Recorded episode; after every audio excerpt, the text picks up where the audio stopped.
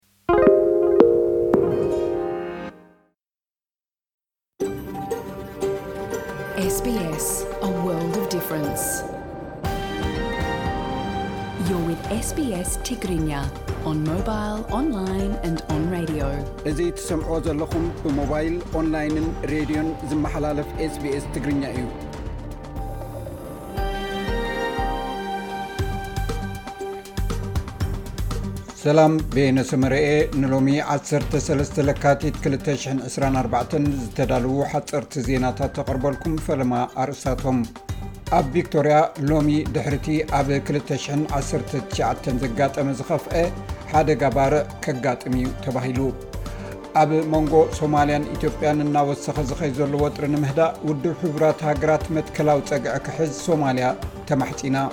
ወናኒ ክብረ ወሰን ዓለም ማራቶን ደቂ ተባዕትዮ ዝኾነ ኬንያዊ ኣትሌት ኬልቪን ኪፕቱም ብዘጋጠሞ ሓደጋ መኪና ሞይቱ።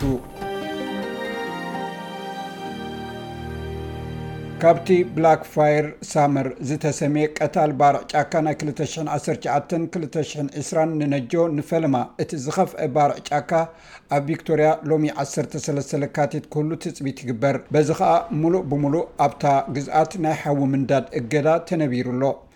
ቢሮ ሜትሮሎጂ ከም ዝሓበሮ፣ መጠን ሙቐት ኣብ ሚልዱራ ክሳብ ኣርብዓን ሓደን ዲግሪ ሴንቲግሬድ ክበጽሕን ኣብ ዞባ ዊሜራ ኣብ ደረጃ ከቢድ ወይ ካታስትሮፍ ዝተመደበ ሓደጋ ሓዊ ከጋጥም እዩ። ኣብ ማለን ኣብ ኩሉ ግዝኣት ቪክቶርያን ልዑል ሓደጋ ሙቐት ክህሉ ትጽቢት ተገይሩ ኣሎ። ኣብቲ ኣብ ማእከላይ ምብራቕ ዝካየድ ዘሎ ኲናት ኣውስትራልያ ትሳተፍ ኣላ ዝብል ክሲ እኳ እንተሃለወ ኣብ ውሽጢ ሃገር ሓደጋ ግብረ ሽበራ ከም ዘይዛያደ ትካል ጸጥታ ኣውስትራልያ ኣዝዮ ኣፍሊጡ። ሃገራዊ ሓደጋ ግብረ ሽበራ ምናልባት ክህሉ ይኽእል ዝበለ ኣዝዮ፣ ብዛዕባ ሓሓሊፉን ሃንደበታዊ ግጭትን ግን ስክፍታ ከም ዘለዎ ገሊጹ። ሓላፊ ኣዝዮ ማይክ በርገስ ንሳምዕ ሰኔት ብሶኒ ኣብ ዝሃቦ መደረ ኣብ ውሽጢ ሃገር ሓደጋ ከይህሉ ናይ ተጠንቀቕ ደረጃ ክልዕል ዘግብር ምኽንያት ከም ዘየለ ኣፍሊጡ።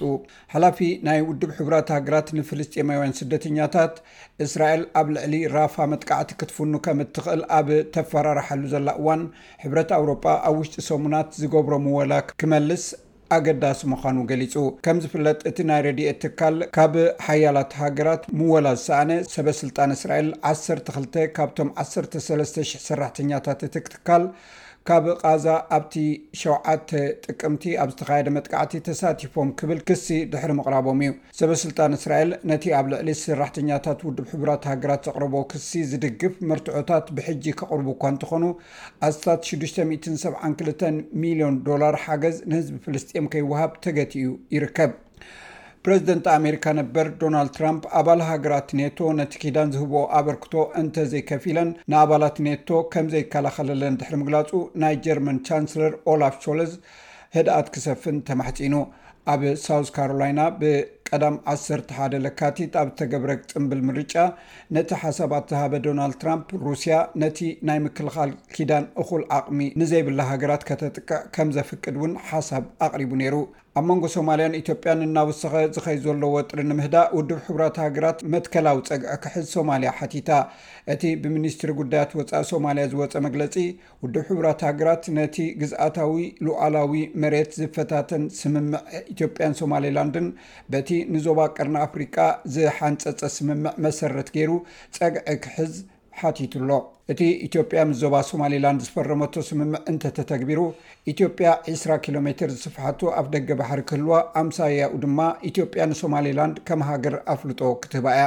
ኣብ መወዳእታ ወናኒ ክብረ ወሰን ዓለም ማራቶን ደቂ ተባዕትዮ ዝኾነ ወዲ ዕስራን ኣርባዕተን ዓመት ኬንያዊ ኣትለት ኬልቪን ኪፕቱም ኣብ ዓዱ ብዘጋጠሞ ሓደጋ መኪና ሞይቱ።